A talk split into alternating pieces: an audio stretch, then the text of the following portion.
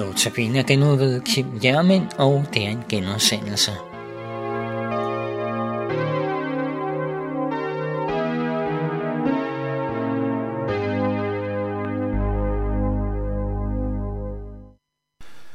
I går hørte vi om den straf, som Gud har lagt på oprørerne, det vil sige på os, på menneskeslægten. Det er en omfattende og voldsom strafpakke, som Gud lægger på sit eget skaberværk. Som jeg nævnte, består den i hvert fald af fem elementer. 1. Adskillelse fra Gud og hans nærvær og beskyttelse. 2. Et selvisk og bedragerisk hjerte. 3. En natur under forbandelse. 4. Forfald og død. 5. Et kollektivt hukommelsestab om, hvorfor vi er her. Kan det virkelig være retfærdigt, at det ikke er overdrive lidt? Hvordan kan Gud være så vred? Specielt når vi lige husker på selve handlingen, som udløste det hele. Adam og Eva spiste bare af nogle frugter, som Gud havde forbudt dem at spise. Frugt, som ellers var faldet på jorden en uge senere og rådne op. Ingen ville savne den, ingen ville skulle have brugt den til noget som helst. Der er ikke tale om sort arbejde, teori, vold eller mor. Hvor i verden kan der være sammenhæng mellem overtrædelsen og straffen? Jo, det kan der, fordi det oprør mytteri mod universets skaber, al øverste myndighed og konge. Vi har skubbet Gud af tronen, og vi vil selv bestemme, hvad der er godt og dårligt, hvad der er rigtigt og forkert. Vi har sat os selv på tronen, og vi har gjort os til verdens centrum, så det handler om min ære og min glæde, og ikke om Guds. Så kan man sige, er det nu rigtigt? Øh, passer alt det, jeg siger her? Er vores hjerte virkelig så slemme? Er vi i dag virkelig vendt så meget mod os selv? Tja, prøv at tænke efter på, hvad der driver dig. Uddannelse, job, karriere, en ny bil, et nyt køkken, nyt hus, middag, måske endda gourmet-middag, god vin, udskiftning af manden eller konen til en yngre model, eller bare ting, der passer bedre sammen med dig, bridge, golf, badminton, ferie, sommerhus, eller i Thailand osv. Hvad er, driv, hvad er drivkraften bag det? Der er en rød tråd, og det er min ære, glæde og lykke. Og ofte sker det på bekostning af andre, og det kan sagtens ske på bekostning af dem, som står os allernærmest. Ægtefælden, børnene, forældrene, vennerne, kollegaerne. Når det kommer til en skillevej, vil vi ofte opdage, at vi elsker os selv højere end selv vores allernærmeste. Hvor dybt stikker det egentlig? Okay, jeg havde sidste afsnit om, hvordan det står til med os mennesker. Det er bestemt ikke for at gøre det hele mere sort end nødvendigt, men simpelthen for at være sikker på, at vi er fat i den helt rigtige diagnose. For uden den, så bliver kuren og behandlingen jo forkert. Deres os øjeblik ansage, at du, at du har en kræftsvulst et sted i kroppen og går til lægen, fordi du har fornemmet nogle allerførste symptomer, måske bare nogle ansøgninger. Det er ikke rart at gå til lægen, det er ikke rart at blive undersøgt, og du håber indtrængende, at der ikke er noget galt med dig. Hvad vil du så helst have? A. Lægen synes, at det er sundt for dig, så han vil ikke overbringe dig den dårlige nyhed. Han vil ikke gøre dig ked af det. Han siger stadig, at det ser fint ud. Du skal gå ud og nyde livet i fulde drag. Eller version B. Lægen ser, hvad du fejler. Han ved, at det er rigtig ubehageligt for dig at få det at vide, men han omsorg for dig, og han ved, hvad der er bedst for dig på den lange bane. Så han fortæller dig, at du har en kræftsvulst, og den skal opereres væk. Og så kan du leve frit. Hvem foretrækker du? Jeg ved ikke, hvad det svar er, men jeg kan fortælle dig, at Gud han er lægetype B. Jeg har en god ven, Lars, som bor nede i øh, Dubai. Han er det menneske, jeg kender, som har tænkt mest over livet, uden at kigge i Bibelen, og alligevel kommet rigtig tæt på Bibelens budskab. I en telefonsamtale kan udtryk for, at vi mennesker, vi er hyæner overtrukket med et neoprent tyndt lag af noget, som får os til at se pæne ud. Min første reaktion var at blive provokeret. Bagved kom jeg til at tænke på, at det var præcis, hvad Bibelen siger. Han sendte mig sådan en artikel fra øh, et tysk blad, der hedder Der Spiegel. Artiklen er en opsummering af en ny bog, som hedder Soldaten. Den er en gennemgang af aflytninger, som blev foretaget af de allierede under 2. verdenskrig. Det var hemmelige aflytninger af tyske soldater samtale med hinanden, mens de sad i allieret fangenskab. Et af målene med undersøgelsen var at finde ud af, hvor hurtigt ganske almindelige familiefædre bliver forvandlet til dødsmaskiner.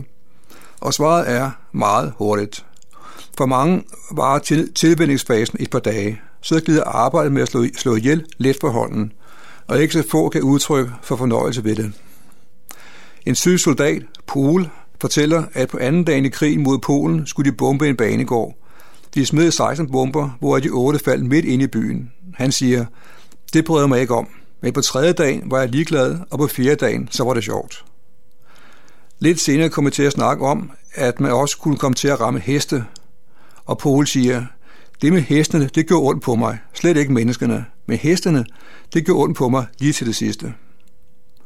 En anden pilot, Butte, fortæller, hvordan de skød på det, de kom forbi. Han sagde, det bedste var villager i bjergene. Når man sådan fløj lavt ind, og vups, så raslede vinduerne, og taget fløj af. Og så var der dengang ved en markedsplads, der var en stor forsamling på den, masser af mennesker, måske et bryllup, det var godt nok sjovt. Og en anden pilot, Bøjme, fortæller, vi havde fået indbygget en 2 cm kanon foran. Da vi så fløj lavt over vejene, og der kom en bil, så tændte vi fjernlygterne, så de troede, at der kom en bil imod dem, og så gjorde vi ren bord. Det havde vi meget stor succes med. Det var skønt og rigtig sjovt. Vi lavede også det samme med jernbanetog. En anden pilot, Greim, sagde, vi lavede engang et dybt angreb ude ved Eastbourne, da vi kom forbi et stort slot, hvor der var et bal i gang, i hvert fald mange damer i kostyme og et orkester. Første gang fløj forbi, men så vendte vi om og gjorde ren bord. Min kære ven, det var virkelig sjovt. Okay, heldigvis lever de fleste mennesker et gårdsøjne pænt liv. Ellers var tilværelsen slet ikke tørret ud. Men selv i det superciviliserede Skandinavien popper ondskab og ulykke op hver dag. Vold, drab, meningsløse ulykker, misbrug af børn, Anders Breivik i Norge og meget andet. Sådan havde det været fra starten af. I begyndelsen af Bibelen beskrives menneskets første historie, og der var ligesom i dag ikke spor køn. Det allerførste barn i verden, Kain, slår sin bror ihjel. Dårlig start for menneskeslægten, som mente, at den kunne stå på egne ben. Og derefter gik det kun i store træk værre og værre. Det var så slemt, at Gud til sidst øh, overvejede at stoppe hele projektet. Men han valgte at starte forfra ved at ud alle mennesker på nær Nora, hans hustru, som hans tre sønner og deres hustruer. Han gjorde det ved at drukne alle andre i en stor vandflod. Fra skabelsen og indtil det tidspunkt blev mennesker for øvrigt næsten 1000 år gamle. Herefter sænkede Gud bevidst levealderen til maksimalt 120 år. Selvom død er unaturligt og forfærdeligt, er det måske også en god ting, at levetiden sænkes fra 1000 til maks 120 år, når mennesket inderst inde er ondt. Tænk hvis tyranner og diktatorer levede i 1000 år. Hvilken gennemført ondskab ville ikke blive til? Tænk hvis millioner, der lider, skulle gøre det i tusind år. For, for at resumere, Bibelens diagnose er, at der er noget galt inde i os. Der er noget galt i vores hjerte. Vi bliver kun holdt i tømme af et retssamfund med love, politi og domstole, og almindelige moralbegreber, hvor vi ikke vil afvige for meget, for ikke at blive set ned på af andre eller ligefrem udstødt. Der er mennesker, som mener, at mennesket grundlæggende er godt, at det med det rette miljø, en god opdragelse og en god uddannelse, kombineret med et godt sabbosystem, så vil det være godt. Bibelen siger desværre, at lige det modsatte er tilfældet. Det er, det er diagnosen, og kuren går derfor på at løse hjerteproblemet. Man kunne også forestille sig, at straffen kun ramte Adam og Eva, for det var dem, der havde gjort oprør, og deres børn havde været 100% lyde mod Gud, og dermed startet på en frisk, og derfor ville de have været udødelige. Men sådan gik det ikke. Deres allerførste barn, som vi hørte, blev verdens første morder. Og den verden, vi ser omkring os, kan vi konkludere, at det er præcis så beskrevet i Bibelens tredje kapitel.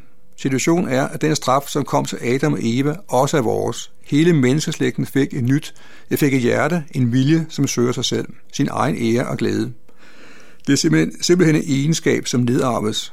Ligesom løver får løveunger og giraffer får girafunger, så er og får vi mennesker børn, som er natur er vendt mod sig selv og sine egne behov og vendt væk fra Gud. Det er indbygget i vores natur som pletterne på en giraf.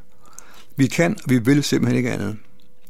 Det kan være svært at forstå og acceptere, men Bibelen er meget klar og kontant, når den beskriver, hvad vi mennesker dybest set, dybest ned egentlig er. Der står i Romerbrevet, der er ingen retfærdig, ikke en eneste, der er ingen forstandig, ingen der søger Gud. De alle kom på arbejde, alle er fordærvet, ingen gør godt, ikke en eneste.